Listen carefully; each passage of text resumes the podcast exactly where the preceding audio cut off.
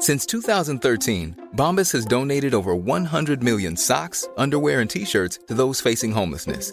If we counted those on air, this ad would last over 1,157 days. But if we counted the time it takes to make a donation possible, it would take just a few clicks. Because every time you make a purchase, Bombas donates an item to someone who needs it. Go to bombas.com slash ACAST and use code ACAST for 20% off your first purchase. That's bombas.com slash ACAST, code ACAST. When you're ready to pop the question, the last thing you want to do is second guess the ring. At Bluenile.com, you can design a one of a kind ring with the ease and convenience of shopping online. Choose your diamond and setting. When you find the one, you'll get it delivered right to your door. Go to Bluenile.com and use promo code LISTEN to get $50 off your purchase of $500 or more. That's code LISTEN at Bluenile.com for $50 off your purchase. Bluenile.com code LISTEN. One size fits all seems like a good idea for clothes until you try them on. Same goes for healthcare. That's why United Healthcare offers flexible, budget friendly coverage for medical, vision, dental, and more. Learn more at uh1.com. Veckans sponsor är Telia. Hos Telia samlar man mobil, bredband, IT-support, mobilväxel, allt som gör företagande enkelt. Och det är just det här att samla allt på ett ställe, att ha någon att vända sig till när det inte fungerar, det är Telia. Ett exempel på vad som inte är Telia, det är ju som när jag lyckas boka förmötet för en poddinspelning med Finansinspektionen till efter själva inspelningstillfället. Eller när jag här, här året var liksom, fick för mig att jag skulle börja springa, så jag är liksom ute och springer taggad, träffar en kompis som säger så du Jan, på måndag ska jag springa ett lopp. Och jag känner så här, ja men det låter inspirerande, så jag käkar pasta, jag byter om, tar mig ner till Malmö stadion för att göra en efteranmälan, står där i kön och sen så när jag liksom anmäler mig så tittar de på mig och säger så här, du Jan, vårhuset är bara till för kvinnor. Och eh, det var, det var typisk en situation som inte är Telia. Oavsett, ett stort tack till Telia som sponsrar, gör Rika Tillsammans möjligt, men framför allt tack till dig som lyssnar, följer och eh, hänger med oss varje vecka. Grundtanken är ju att eh, det är tydligt att det är vi som sparar och det är vi som ska kunna bestämma över vårt sparande också. Eh, mm. Vi ska inte vara låsta i en sparform som vi inte tycker passar oss. Du lyssnar på Rika Tillsammans-podden som handlar om allt som är roligt med privatekonomi i den här podden får du varje vecka ta del av konkreta tips, råd, verktyg och inspiration för att ta ditt sparande och din privatekonomi till nästa nivå på ett enkelt sätt. Vi som gör den här podden heter Jan och Caroline Bolmesson. Idag är det dags för avsnitt 52 och idag kommer det handla om de lite större privatekonomiska frågorna, mer från ett liksom samhällsperspektiv, men också en hel del läsarfrågor. Och eh, för en gångs skull så tänkte vi inte svara på dem själva, utan vi har med oss en gäst och det är finansmarknads eh, och konsumentminister tillika biträdande finansminister Per Bolund. Och eh, varmt välkommen Per! Tack så jättemycket! Och du är ju, förutom bara vara minister, eller bara förutom vara minister, så är du ju basketälskare, du har pluggat biologi. Jag såg också att du är AIK-are, men där tänkte jag säga att även solen har sina fläckar. ja, men, alla våra synder att leva med. ja, precis. Men du, vi, alltså när jag och Caroline förberedde här så tyckte vi det var lite spännande att det är ändå en ganska stor resa från biologi till ekonomi. Kan mm. du inte bara säga kort, hur gick den resan till? Ja, jag tycker ju egentligen inte att steget är så långt. Eh, egentligen så handlar det om, eh, biologi handlar mycket om energins och näringsämnenas flöde genom ekosystemen. Och ekonomi handlar ju om hur pengarna flödar genom samhällssystemet. Så att i grunden så är tänkandet ändå i samma härad. Mm. Eh, och jag tycker också att det är väldigt tydligt att det blir mer och mer tydligt för varje år som går att de miljömässiga och natursystemen hänger väldigt intimt samman med ekonomin och hur ekonomin utvecklas. Mm. Och den politiker som inte kan ta in eh, just miljöfrågorna eh, kommer också svårt att utforma ekonomin för framtiden, mm. min syn. Nej, men jag gillar jättemycket det du säger, att, liksom, att ekonomi handlar om ett flöde mm. eller liksom en hushållning med resurser. Och sen blir det ofta att det blir associerat med pengar, men det behöver det ju inte nödvändigtvis vara, utan det kan Nej. vara vilket, eh, som vi pratade om systemekologi, vilket ja. system som helst. Men jag tänker, vi har ju inte supermycket tid, så jag hoppar rakt in. Vi har ju fått in mycket frågor på Twitter och på bloggen och på Facebook Facebook. Och En av de absolut vanligaste frågorna, det handlar ju om det här att det var en twittrare som heter Per Penning som för några år sedan skrev så här, ja, de flesta av oss, vi lever i den här 40-40-40 blåsningen. Och jag kommer ihåg att jag var så här, men jag, jag vet inte riktigt vad den är. Så förklarade han så här, jo men de flesta av oss, vi, vi jobbar 40 timmar i veckan i 40 år för att sen komma att leva på 40 procent av eh, pensionen. Och jag tror att det där är en fråga som många tänker sig, liksom, kommer pensionen räcka eller kommer vi behöva jobba längre? Alltså hur får vi det här liksom, hållbart? Vad mm. tänker du? Det är ju, eh, Sverige har ju ett väldigt stabilt eh, pensionssystem jämfört med många andra länder så att eh, vi kan ju vara trygga med att vårt pensionssystem kommer att leverera. Det är ju många andra länder som har en situation där det är osäkert hur det kommer faktiskt att fungera när stora generationer kommer att gå i pension längre fram. Mm. Och det är väl den värsta situationen när man förväntar sig en, en viss pension och sen visar det sig att den kanske blir betydligt lägre eller mm. i värsta fall att systemet inte ens klarar av att leverera. Mm. Men det är klart att vi har en, en utmaning att eh, se till så att eh, vi har tillräckligt med eh, resurser att leva på när mm. vi går i pension också. Mm. Och där måste man ju komma ihåg att pensionssystemet är ju en helhet av flera olika delar. Så att våran baspension är ju bara en del. Sen har vi premiepensionen där vi också kan då spara lite själva och mm. förvalta det. Sen har vi tjänstepensionen som blir viktigare och viktigare och kommer utgöra en viktigare del av, av pensionskapitalet i framtiden. Mm. Och sen kan man ju dessutom då också spara privat mm. för att ge en liten guldkant till pensionen pensionen. Mm. Jag, jag, tror ju mycket, jag tror inte på det här att man ska lasta över, så här, nej men det får politikerna fixa, utan jag tror att det där måste vi som samhälle fixa tillsammans. Och, och, och liksom, hur ser du den här balansen? Vad, vad kan liksom ni göra från politikerhåll och vad, vad ska vi liksom själva ta ansvar för? Hur, hur tänker du kring mm. den balansen? Jag tror att eh, vi ska ju såklart se till så att vi har ett robust pensionssystem som just klarar av att, att leverera även när det blir svåra tider. Och eh, där är jag ju glad att vi har en, eh, en väldigt bred överenskommelse om pensionerna. Det är ju pensionsgruppen med sex partier av riksdagens åtta som står bakom. Mm. Där har vi just nu också tagit nya steg där vi till exempel tittar på pensionsåldrarna eftersom vi blir äldre och äldre, lever längre och längre så är det rimligt att någonstans också pensionssystemet följer med i den utvecklingen. Mm. Det är klart att det gör ju också att om, om vi jobbar flera år så ger det också mera pengar till pensionssystemet överlag. Mm. Eh, men där vi också mm. tittar på många andra frågor för att eh, se till så att eh, vi bygger upp pensionssystemet så starkt som det bara är möjligt. Mm. För, det, för det där var ju också en av, alltså jag tror detta var typ 16 gånger kom den här frågan in. Och det handlar ju om flytträtterna att där, har, där vet jag att ni har ju gjort mycket från lagstiftningshåll, att eh, men man kan flytta vissa, men det är fortfarande inte att det är någon generell flytträtt. Hur, hur tänker ni där? Grundtanken är ju att eh, det är tydligt att det är vi som sparar och det är vi som ska kunna bestämma över vårt sparande också. Eh, mm. Vi ska inte vara låsta i en sparform som vi inte tycker passar oss. Sen så gäller det att omsätta det i praktiken också. Och mm. eh, där har vi nu en, ett förslag som eh, har varit ute på remiss och eh, som handlar om att både reglera eh, den, det pris som man får betala när man ska flytta. vad är det som får ingå i, i den kostnaden? Idag vet vi ju tyvärr att det finns aktörer som, som låser in oss kunder genom att ta ut skyhöga kostnader när man vill flytta sitt sparande sparande.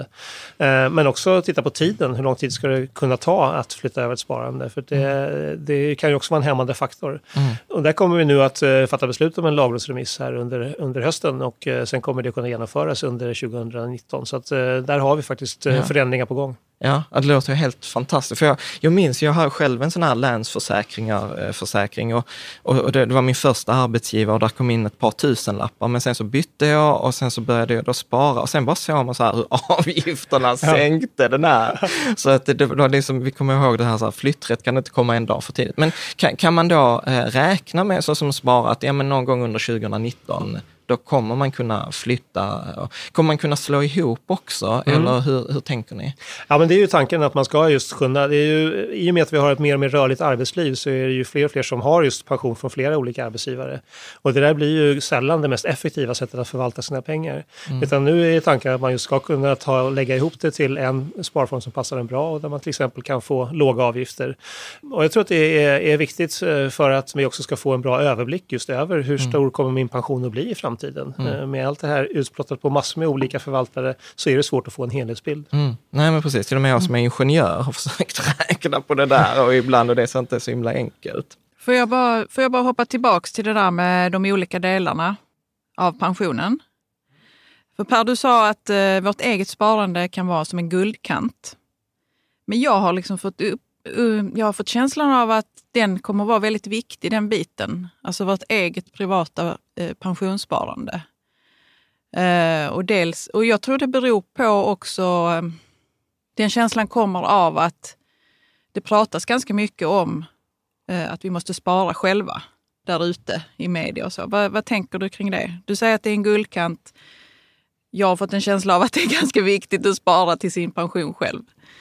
Ja, men det är ju alltid, eh, det beror ju på såklart vilka förväntningar man själv har på, på eh, hur man vill leva som pensionär. Eh, det är mm. klart att en, en hel del kostnader som man har när man är mitt i livet, de minskar ju också när man blir pensionär. Man har inte barn att försörja och ofta har man ju också amorterat ner på sitt hus så man har lägre kostnader där. Det gör att man kanske inte behöver ha lika stor inkomst som man har när man har ett, ett rykande hett arbetsliv. Men det är klart, vill man ändå ha en kapacitet att ja, kunna leva gott och kanske resa och göra andra saker, ja då är det ju bra om man planerar det så tidigt som möjligt och mm. Eh, just har med det i åtanke när man utformar sin ekonomi. Mm. Mm. Eh, för, för, för, där kommer vi också in på en väldigt eh, liksom, så här fråga kring just det här med sparande. Att, att så här, vi som liksom sitter och tittar liksom, är lite nördiga, så kan jag uppleva så här, men man höjde skatten på ISK, man avskaffade avdraget från IPS-sparandet, just den här individuella mm. pensionsdelen. Och, och jag upplever så här att även om, alltså jag klagade inte på att skatte, skatten på ISK höjdes, för den är fortfarande väldigt låg och jämfört med många andra länder så är det väldigt förmånligt, så det ska vi ändå säga. Men det jag funderade mest var att vi har ingen skattegynnad sparform heller. Att vad är liksom signalvärdet är ändå så här, mm, det här med sparande mm. verkar inte vara viktigt, samtidigt som vi säger att det är viktigt. Hur, hur tänker ni kring den frågan från generellt? Jo, men det är ju, eh, vi tycker ju såklart att det ska vara eh, förmånligt att spara och att det ska finnas bra möjligheter att, att lägga av undan en peng för kommande tider. Det kan ju vara för att man vill genomföra något stort projekt eller någonting som man drömmer om eller för den delen att man eh, vill ha mer pengar när man, man går i pension och slutar arbeta. Och där har vi ju sparformer som är skattemässigt gynnade jämfört med andra. ISK är ju ett exempel på det som både är enkelt att administrera och också faktiskt har en, en lägre skatt. Särskilt nu när räntan är så låg som det är också mm. kopplat till statsräntan.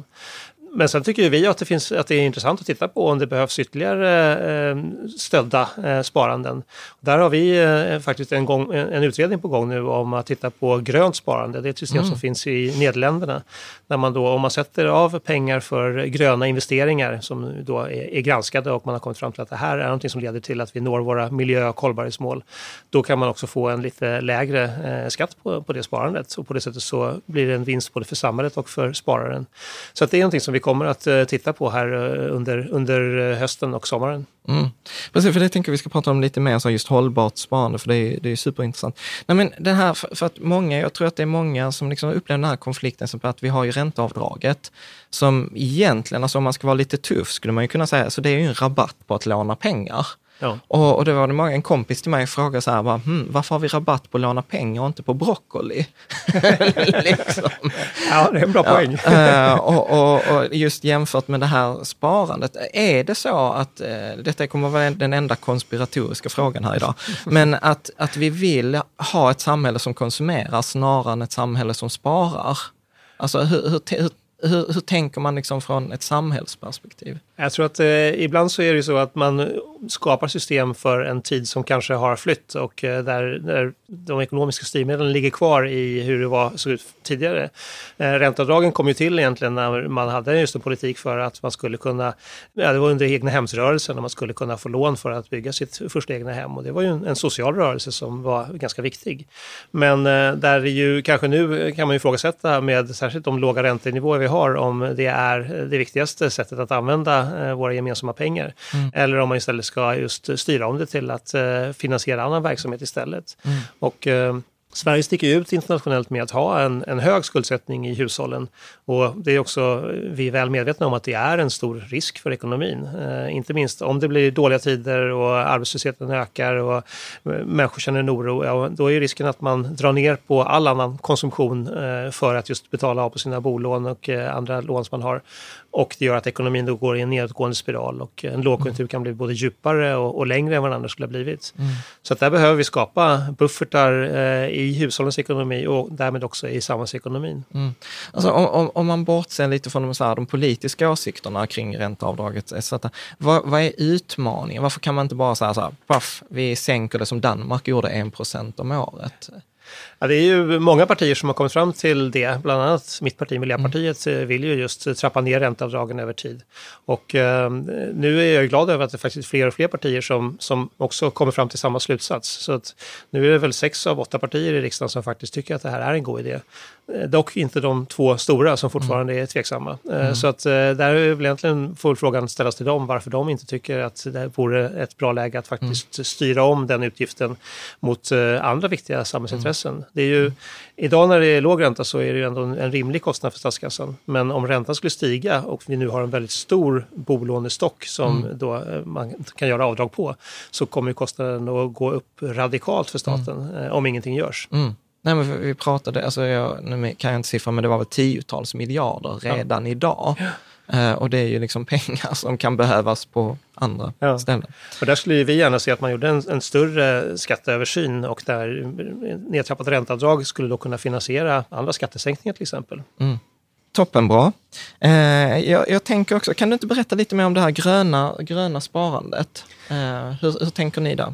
Jo, men där eh, ser vi ju att det finns ett väldigt starkt intresse och engagemang från eh, konsumenter, från sparare helt enkelt. Att eh, vi vet att vi köper mer ekologiskt, vi köper mer fair trade, vi vill göra skillnad som konsumenter. Men just på finansmarknaden när vi ska spara våra pengar och planera vår ekonomi så är det många som tycker att det är ganska svårt. Mm. Vi vet inte riktigt hur vi ska göra och vi vet inte om vi kan lita på bankerna och andra finansföretags uppgifter. Så att där behöver vi helt enkelt se till så att det är enkelt att faktiskt göra rätt även när man eh, när man agerar som ekonomisk eh, konsument. Och eh, där tror vi att det finns många olika verktyg. Vi har ju nu fått svanenmärkta fonder som gör att det är lätt att välja den mest hållbara fondlösningen på marknaden. Men vi tror att även andra typer av sparanden så kan man behöva ha lite vägledning som konsument. Mm. Och att just få då en sparform där vi vet att lägga mina pengar här, ja då finns det experter som har studerat det som säger att det här är pengar som går just till den omställningen av samhället bort från fossila bränslen och mot förnybar energi som, som vi behöver se. Mm. Nej, för, för jag var också lyssnade på någon föreläsning så sa föreläsaren så här att, att vårt, vårt, vi tänker inte ofta på, utan precis som du säger, vi försöker välja ekologiskt, vi försöker cykla etc. Men att vårt, till exempel vårt bilkörande har en större, eh, eller vårt sparande har en större miljöpåverkan än vårt bilkörande, vilket för mig var en sån här, Wow, ja. sån liten ögonöppnare. Men jag, alltså, nu, nu, är jag ju fondnörd, alltså verkligen så här. Jag kan ju fortfarande uppleva att de här hållbarhetskriterierna och sånt är stökigt. Mm. Att, alltså, jag kan välja en fond som har liksom sina hållbarhetskriterier. Och till exempel de är så här, nej men vi väljer bort vapenindustrin och, och kolindustrin. Och sen så tar jag en annan fond och, och så säger de också så här, ja men eh, vi har kolföretag för att vi, på, vi försöker påverka dem genom governance mm. och att sitta mm. i styrelsen etc. Och väljer jag båda de här två, då har jag kolföretag i, ja. i, i på portföljen. Ja. Och, och, jag såg också att det var någon utredning som presenterades också just till exempel kring gröna obligationer till er i, mm. i regeringen. Mm. Hur, hur, hur försöker ni jobba? För det känns som det är liksom att vi är precis i starten mm. av mm. det där. Vad, vad, kan ni göra liksom från ett samhällsperspektiv? Jag tror att det finns otroligt mycket vi kan göra. Eh, dels är det ju eh, viktigt att skapa oberoende information. Mm. Och där är just eh, problemet som vi har haft som, som gröna sparare är ju att vi har fått förlita oss på, på bankerna och fondmäklarnas, fondförmedlarnas information. Och där tycker jag ju att det behövs oberoende information. Så att Svanen är ju mm. nu ett, ett oberoende miljömärkningsinstitut som jobbar på nordisk nivå och som nu screenar fondmarknaden och säger att de som ställer de hårdaste kriterierna som verkligen eh, tar de största stegen för att eh, förvalta kapitalet hållbart. Mm. De kommer få en märkning som, som vi då kan lita på som konsumenter. Mm. Sen behöver vi öka transparensen eh, och jämförbarheten mellan fonder. Och där har vi ju jobbat i dialog med både fond och med försäkringsbranschen om hur man ska redovisa det som kallas koldioxidfotavtryck. Alltså hur mm. mycket koldioxidutsläpp blir det från den här portföljen. Per krona. Per krona, ja, just det. Eh, det gör ju då att eh, när man då använder samma metod så går det ju faktiskt att jämföra. Det är lite grann mm. som när vi köper bil, då får man ju tydligt så här många gram koldioxid släpper ut. Mm. Det tycker jag ju man ska få information om som fondsparare mm. också. Men kommer det vara bara det här liksom gröna hållbara eller kommer det titta, för det finns ju de här ESG-direktiven, liksom Environmental Sustainable mm. Governance. Mm. Eh, kommer det ta hänsyn till de andra också eller kommer detta vara liksom mest miljö? Nej, men det är båda faktiskt. Eh, svanen är ju eh, en, en miljömärkning, men de tar också eh, social hänsyn och säger att man då inte får investera i verksamheter som bryter mot mänskliga rättigheter till exempel. Och sen tycker jag ju att det är viktigt också att vårt offentliga kapital går före och att vi visar på att det faktiskt går att ställa högt ställda krav på, på hur vi förvaltar vårt kapital. Så att vi gör ju nu en stor omställning både av AP-fonderna, de allmänna pensionsfonderna, men också av premiepensionssystemet där vi höjer hållbarhetskraven kraftigt. Mm. Eh, till exempel inom premiepensionen så kommer man nu inte ens komma in som förvaltare om man inte har en, en hållbarhetsförvaltning mm. och beaktar de frågorna. Och det, är, det här är ju mm. också en väldigt tydlig signal till, till marknaden eh, att det här är viktiga frågor. Mm. Och det roliga tycker jag det är ju att eh, nu börjar vi se att de som faktiskt har ett, ett hållbarhetstänkande i sin förvaltning också gör bättre affärer. Det vill säga mm. avkastningen blir högre om man eh, tänker i de här banorna än om man bara gör som man alltid har gjort. Mm. Jag skulle precis fråga Per, det här med det gröna sparandet, hur lång tid du, du tror att det tar innan det gör en skillnad i samhället och för ja, förvaltare och så vidare. Du sa att, att, redan, att man redan kan säga att man kan göra bättre affärer. Men hur lång tid tror du det tar att påverka hela samhället? Förstår du frågan? Det är, ja, ganska, ja. en ganska bred fråga. Men vad tror du? Jag, tror att, jag tänker jag... Eh, som politiker så kan du säkert känna så. Vi vill göra en förändring nu men det kommer att synas först om 20 år. Är du med på vad jag menar? Absolut. det kan vara lite frustrerande. Ja, men där tror jag ju att eh, kapitalmarknaden och hur vi allokerar våra pengar eh, kanske är det som ger allra störst och eh, också snabbast effekt. Mm. Eh, vi vet ju att de investeringar som vi gör idag är det som avgör vilken värld vi har imorgon. Eh, och mm. om finansmarknaden fortsätter att eh, lägga våra pengar på olje och kolbolag, ja, då kommer vi ju att få, att det kommer bli omöjligt helt enkelt att nå våra miljö och klimatmål. Men nu ser vi ju en väldigt snabb omställning. Divesteringar sker både ifrån pensionsfonder på internationell och nationell nivå, men också i många andra rörelser. Och det intressanta är ju att till exempel när Pensionsmyndigheten tittade på premiepensionstorget så visade det sig att de ME-märkta fonderna som då just har miljö och eh, etisk hänsyn, de gick faktiskt bättre och hade dessutom lägre avgifter än genomsnittet på, på fondtorget. Mm. Och Mm. Fjärde AP-fonden mm. som har börjat att eh, ta bort de allra mest utsläppande företagen i sin portfölj. Det visar sig att den delen av portföljen faktiskt hade bättre avkastning än den som man förvaltade traditionellt. Ja, jag tycker detta låter så jättespännande. Sen, sen får jag säga, för detta får jag läsa på, för att min uppfattning hittills har varit lite tvärtom. att eh, när man har sett att, att man får betala en premie, mm. men att den premien minskar. Mm. Eh, och att tyvärr många, alltså det som man kallar på, lite på fondmarknaden för sinfunds, eh, har ju egentligen överavkastat för att folk vill ju inte lägga pengar i dem och då har liksom värderingarna minskat och avkastningen mm. ökat. Mm. Men jag, jag, håller helt med om att trenden går ju verkligen i rätt riktning och där kommer ju, vi har ju på bloggen pratat om många andra företag som just har verkligen som sin affärsidé att, att mm. göra gott. Mm. Jag tänker att det där är några andra eh, frågor. Eh, vill du tillägga någonting som vi inte har frågat om kring det här med gröna sparandet? Jag tror att det är väl också, nu pratar vi mest om, om avkastning, men ja. jag tror också man måste titta på risk. Eh, och eh, där är det ju mer och mer uppenbart att eh, stora investeringar i fossil energi till exempel är en ganska stor klimatrisk mm. och att det är också en risk för att man kommer att göra dåliga affärer och få sämre avkastning. Till exempel så har vi ju sett en väldigt stor omställning inom energisektorn där de allra största kolbolagen eh, internationellt har gått från väldigt stark lönsamhet till konkurs eh, på bara några månader egentligen. Och det där är ju just den typen av omställningsrisker. När världen nu går mot mera hållbara energilösningar så är ju de som sitter med pengarna investerade i gamla fossilbolag de som står för en väldigt stor risk eh, just nu. Mm. Och den där utvecklingen tror jag vi bara sett början på, utan det mm. kommer att komma i, i ännu högre takt framöver. Sista, sista frågan här. Hur kan jag som sparare är detta något det finns enighet om eller är detta någonting som ni brinner för i, i Miljöpartiet? Nej, men det visar ju till exempel inom pensionsgruppen att vi har kunnat eh, höja miljökraven och hållbarhetskraven kraftigt tillsammans med sex partier i Sveriges riksdag. Mm. Och eh, vi har ju också en väldigt bred eh, uppslutning bakom den klimatlag som mm. riksdagen har ställt sig bakom som säger att vi redan år 2045, om lite drygt 20 år, så ska vi ha noll nettoutsläpp av växthusgaser i Sverige. Och det kommer ju kräva en ganska tydlig styrning styrning. Eh, och det kommer ju göra att vi behöver eh, ha ekonomiska styrmedel som gör att de hållbara investeringarna är de som blir lönsamma i framtiden. Mm. Wow, så, så, så kan, kan, Det, blir- det, det, detta var ju ett jättebra politikersvar Per. Visst var det? jag bara så här, tackar jag för. Så bara, precis. Nej, men, så att, det- men det är så här, så detta gröna, alltså är det som ett typ ett ISK eller det kommer vara liksom att det är alltså så här, kort, hur, hur, hur vill ni att det ser ut? Eh, Så att det, blir lite mer konkret. Ja, ju, vi, vi har ju tittat på det nederländska systemet. Så där Ja. fungerar det så att eh, de eh, banker som har hållbara investeringar, de säger till en, en offentlig myndighet, så kanske Naturvårdsverket eller något liknande, det här är en investering som vi tror på. Och sen har man då experter som granskar, ja men det här är ett projekt som stämmer överens med de eh, miljö och hållbarhetsmål som vi har ställt upp. Och när man då har visat det, då kan, får man också en skattesubvention, det vill säga en sänkt skatt på det sparandet som är till, riktat mot det projektet. Okej, ja men bra. Då fattar jag. Grymt. Eh, det andra som jag har fått jättemycket frågor kring är ju boende. Och det är ju något som många är oroliga för.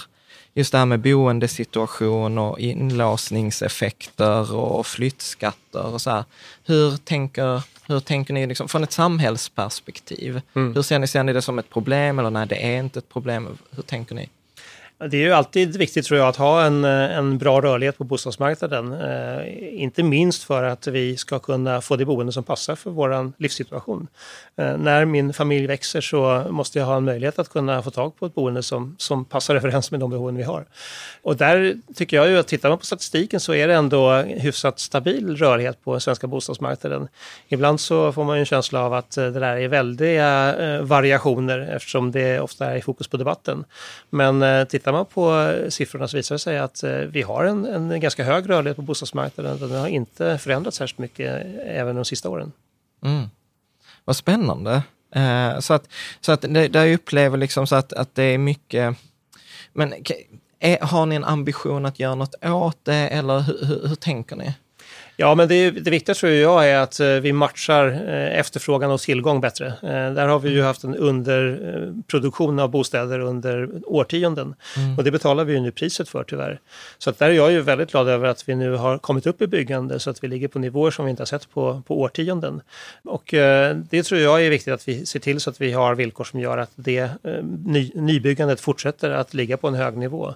För att det är ju först då som vi kommer att kunna ja, både hålla ner priserna som ju har stigit väldigt kraftigt, särskilt i storstadsområdena under de senaste åren. Men också just skapa en flexibilitet och, och en, en möjlighet att, för alla att få det boende som man behöver. Mm. För, för, det som jag vet att jag har haft många som äldre läsare, eh, de som skriver så här, men du vet vi har bott i vårt hus i många år, du vet vi har haft en stor värdeökning, vilket är roligt. Men så är de så här, du vet om vi ska flytta, om vi ska sälja, då behöver vi betala den här skatten. Men det gör ju att, att det går ju rätt mycket i pengar den skatten och ska man då flytta till ett annat boende så blir det egentligen en sänkning eh, av, eh, ja men kanske en- ja, men en sänkning i förhållande till det man har idag. Och det är ju det som liksom populärt jag har upplevt kallas för den här inlåsningseffekten. Vad, vad tänker du kring det? Eller inte du, utan jag menar, när jag det. säger du menar jag generellt. För Ja. jag tycker inte Ja. att det är så här, vi har ett gemensamt ansvar för samhället. Ja, men visst. Ja, men det har ju varit en, en fråga som har varit uppe till diskussion ganska länge och eh, där har ju vi också, för att just motverka att det ska hända, så har vi ju gjort en, en reformering av eh, skatten så att eh, man nu kan få uppskov på faktiskt hela beloppet eh, när man då gör en vinst om man eh, säljer sitt boende. Och där var ju tanken bakom det var just att undvika här, att, att man sitter kvar i en bostad som egentligen kanske är för stor eller som, som eh, man inte behöver. Ehm, och vi vi har ju försökt att jobba med många olika verktyg för att eh, skapa en bättre fungerande bostadsmarknad. Inte minst också att ge stöd och eh, öka intresset för att bygga nytt.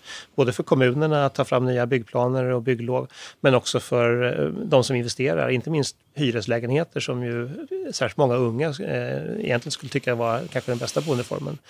Ehm, Så att vi försöker jobba ganska brett med bostadsmarknaden för att skapa så goda förutsättningar som möjligt. Men det kommer ta tid innan vi kommer ikapp och innan vi har en bostadsmarknad som är i balans. Om, vi, om vi tittar lite så här framåt, alltså så här 10-20 år, vad, eh, vad ser både du och liksom, ja, men politiker som utmaningarna för det svenska samhället inom ra, ramen för privatekonomi? Ja, tittar man på de ekonomiska utmaningarna så skulle jag säga att eh, just den höga skuldsättningen är en utmaning både för enskilda hushåll och för samhället i stort. Eh, nu har vi ju varit bortskämda med väldigt låga räntenivåer och eh, jag tror att vi många har ställt in oss på att det är det som är normaltillståndet. Men eh, mm. det krävs inte att man går tillbaka särskilt många år för att inse att så är ju faktiskt inte fallet. Och där är jag ju lite orolig över vad händer i en situation där vi nu har tagit på oss stora skulder och sen stiger räntenivåerna upp till ja, kanske någon slags normalränta på kanske 4% eller liknande. Uh, där är ju, vi har ju ganska svåra minnen från 90-talskrisen och fortfarande idag så finns det mm. människor som lever med skulder som man fick då för mer än 20 år sedan. Mm. Så att det är mm. ju, det där, där tror jag att vi behöver till exempel komma tillbaka till en, en sund amorteringskultur och att det är självklart att vi också amorterar av på våra skulder. För där har ju Sverige tyvärr stuckit ut jämfört med andra länder. Vi har fått en ganska snabbt försämrad amorteringskultur. Både att vi eh, faktiskt fick amorteringsfria lån som tog över en stor del av marknaden, eh, men också att vi eh, har som vana att ta lån under väldigt lång tid så att vi mm. inte betalar av dem så snabbt som man gör i många andra länder. Mm. Precis, för, för det, mm. jag tittade någonstans nu att jag tror att bankerna hade en bolånemarginal på, vad var det, 1,64 procent. Eh, så här, vilket för mig, det, det är ju väldigt högt. Ja, alltså, i Men kan, du, kan du inte förklara det lite John? Jo, kan du inte förklara det? Varför nej, det är alltså så här, skillnaden mellan vad bankerna får låna sina pengar för och vad vi konsumenter mm. får betala för dem så är ju det mm. väldigt, mm. alltså bankerna tjänar ju väldigt mycket pengar. Och, och det, det mm. då, då hamnar man ju på liksom så här politiska åsikter, ska, liksom så här kommersiellt etc. Men det jag kan tycka är konstigt är ju att de tjänar ju de här pengarna och så har de ju dessutom statliga garantier. Så de tar ju inte ens, det är inte ens aktieägarna som tar risken. Hur, hur tänker man från ett samhällsperspektiv där?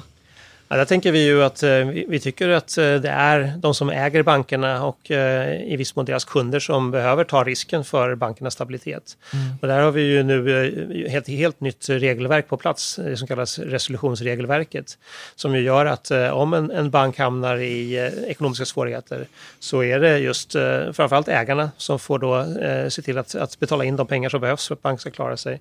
Och i andra hand så är det de som har skulder till banken som får, som får liksom stå för pengarna. Och eh, det är först i eh, ett, ett extremläge när man har prövat alla andra vägar som man har möjlighet överhuvudtaget att gå in med offentliga pengar. Och det tycker jag ju är bra för att eh, annars finns det ju just incitament till att ha ett ökat risktagande. Om man hela tiden litar på att det är någon annan som får stå för prislappen mm. så, så mm. har man ju ingen anledning att hålla igen egentligen. Mm. Så att, där tror jag att det, det regelverket har varit en väldigt viktig förändring. Vi flyttar över ansvaret till de som också tar besluten. Precis. Bra. Eh, om vi tittar på möjligheterna då. Vad tycker du om du ska titta så här 10-20 år framåt? Vad är möjligheterna? Vad är det vi har för fördelar? Ja, men det är ju, vi har ju eh, nu visat under den här mandatperioden att Sverige är ett väldigt konkurrenskraftigt land. Vi har möjlighet att ha en väldigt stark ekonomisk utveckling. Vi har ju haft en tillväxt som ligger långt över våra grannar och eh, över de allra flesta länderna i Europa. Eh, trots att vi har ju haft, inte haft draghjälp från resten av, av världen utan vi har, det har varit ganska mycket egengenererad genom investeringar och inhemsk konsumtion. Och där tror jag ju att vi är en del av lösningen på spåret. Att genom att eh, också fortsätta att investera i hög kompetens och kunskap, att vi är ett innovativt land där vi kommer med nya lösningar och nya idéer. Det är det sättet som vi helt enkelt kommer att klara eh, att, att ha en bra, stark ekonomi även i framtiden. Mm. Och där ser jag alla förutsättningar för Sverige att vara. Då tror jag ju att dels digitaliseringen som vi nu ser, där vi är väldigt eh, nyfikna som folk och intresserade av nya lösningar och eh, också hittar de innovativa idéerna. Men också miljö och klimatomställningen som vi vet att vi behöver göra, där vi också mm. har en hög kunskap och medvetande båda de sakerna pratar för att Sverige kommer att eh, ligga i framkant och eh, ha stora chanser att eh, ha en stark ekonomi i framtiden. Mm. För, för där, där jag tänker, det är mycket, man pratar så mycket artificiell intelligens, man pratar digitalisering. Och där är ju många tänker så att, att, att det är egentligen bara en tidsfråga innan vi hamnar där. Det är inte så mycket en fråga om om, eh, utan mer en fråga om när. Men hur, alltså, om jag ska liksom smyga in på, på ett koncept som, som jag har tittat på ett tag, eh, som ni har ju haft, ni var, jag tror att ni var första parti som pratade om medborgarlön. Hur, hur går tankar, alltså är det en död fråga? Eller liksom, jag vet Finland har testat det, Mm. Schweiz hade en omröstning på det. Hur, eh, hur, går, hur går tankar och diskussioner? Ja, det är ju ingen fråga som, som vi driver eh, och vi har inte med det i vårt eh, partiprogram eller valmanifest.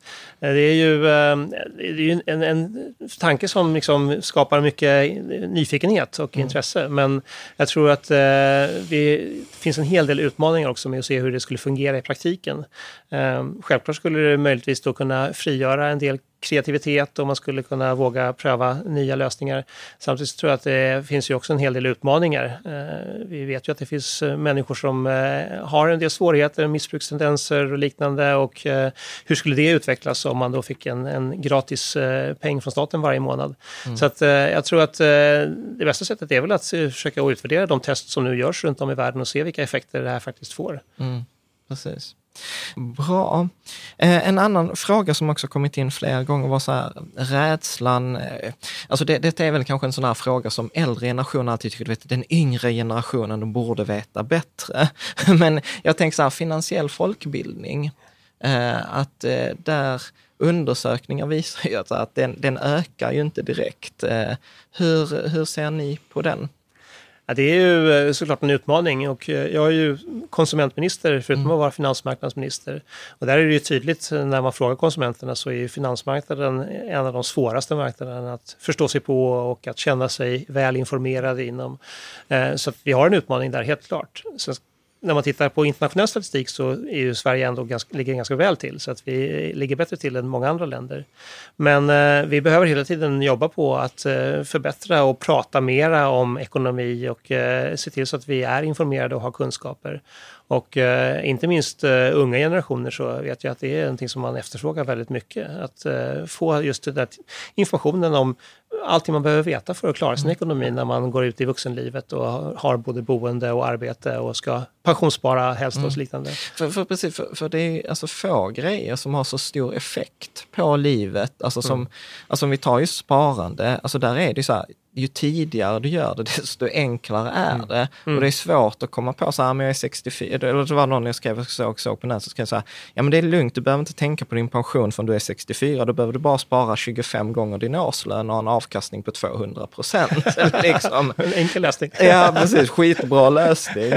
Eh, så, att, så att jag menar, och, och vi pratar inte privatekonomi i skolan. Det finns även de som läser ekonomiutbildning på högskola pratar inte privatekonomi. Och jag brukar ibland tänka så, så här, det bästa vore egentligen om inte min blogg eller vår podd behövde finnas. eh, Liksom. Finns det liksom ambition att eh, tillsätta resurser där eller att göra, alltså, alltså ja. Jag, Jag tycker ju att bloggar som den här gör väldigt stor nytta. Jag tror att det är precis den typen av diskussioner som vi behöver för att hålla intresset och, och nyfikenheten på privatekonomi uppe. Men eh, jag tror att det finns eh, mycket vi kan göra. Jag tror att eh, i skolan till exempel så, så försöker ju vi uppmuntra att man använder privatekonomi i många olika ämnen. Man kan ju använda det i matematik, man kan använda det i samhällsvetenskap, man kan använda det i många olika ämnen som redan finns på schemat så att säga.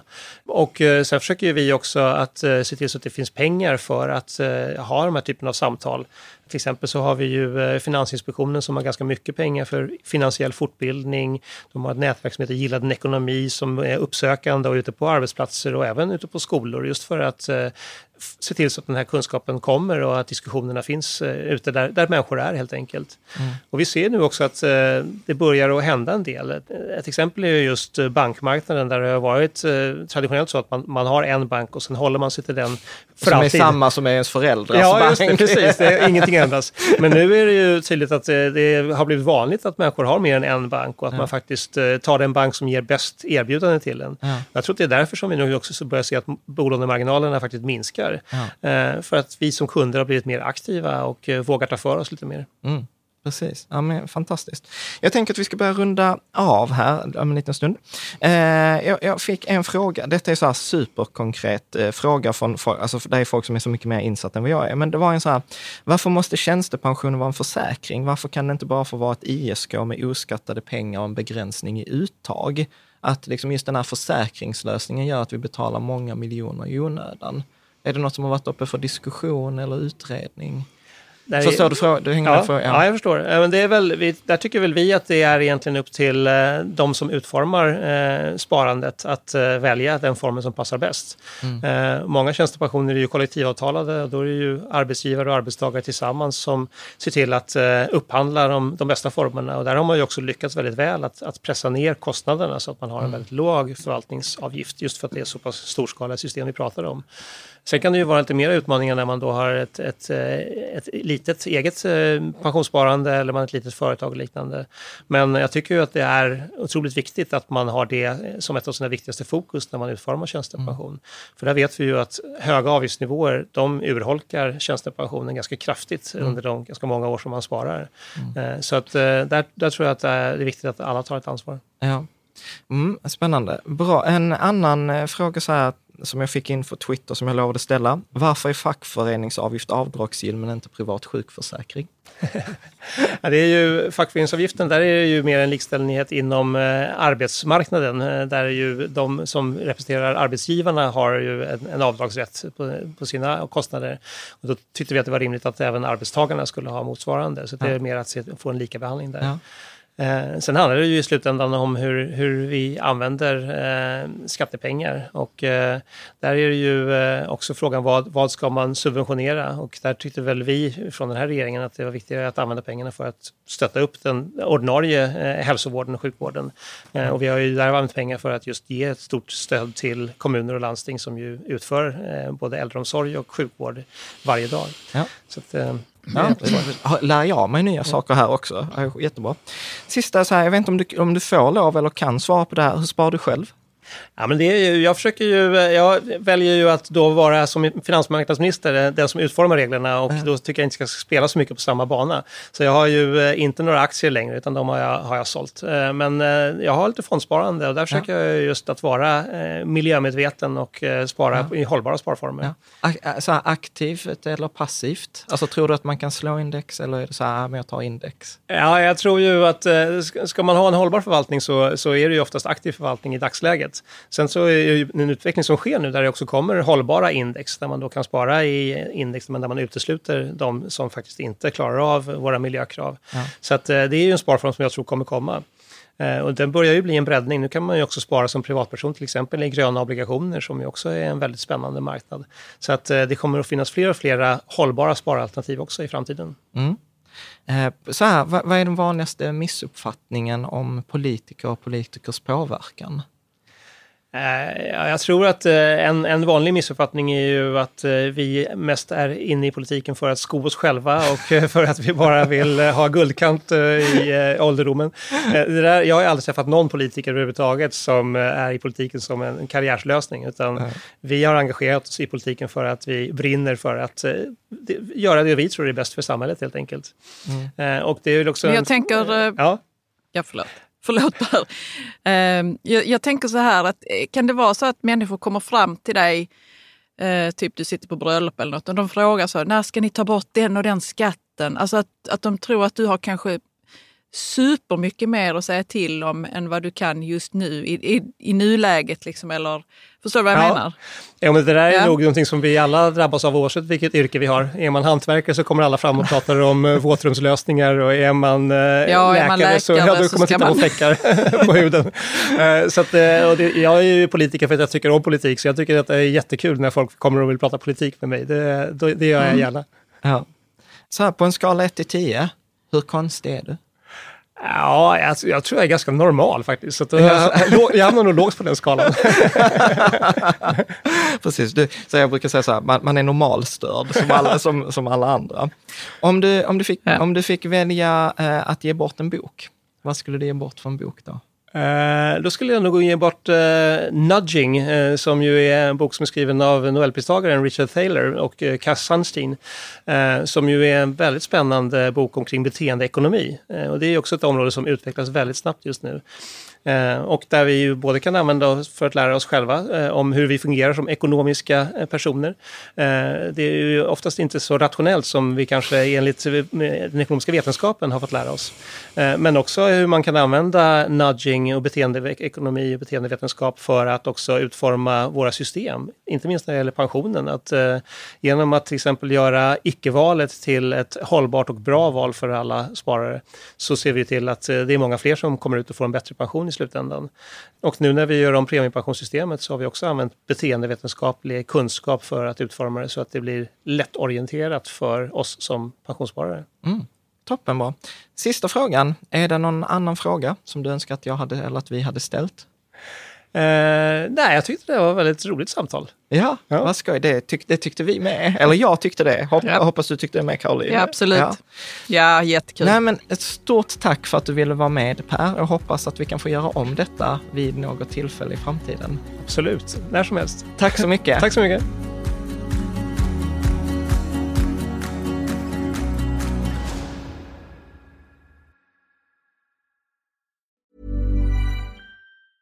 Hey, folks, I'm Mark Marin from the WTF Podcast, and this episode is brought to you by Kleenex Ultra Soft Tissues your ally to help tackle your allergy symptoms this season. I love the change of seasons, but nobody loves pollen and all those other things floating in the air that make you sneeze during this nice weather. Kleenex Ultra Soft tissues are hypoallergenic and allergist approved. So fight back against watery eyes and runny noses without worrying about irritating your skin. For this allergy season, grab Kleenex and face allergies head on.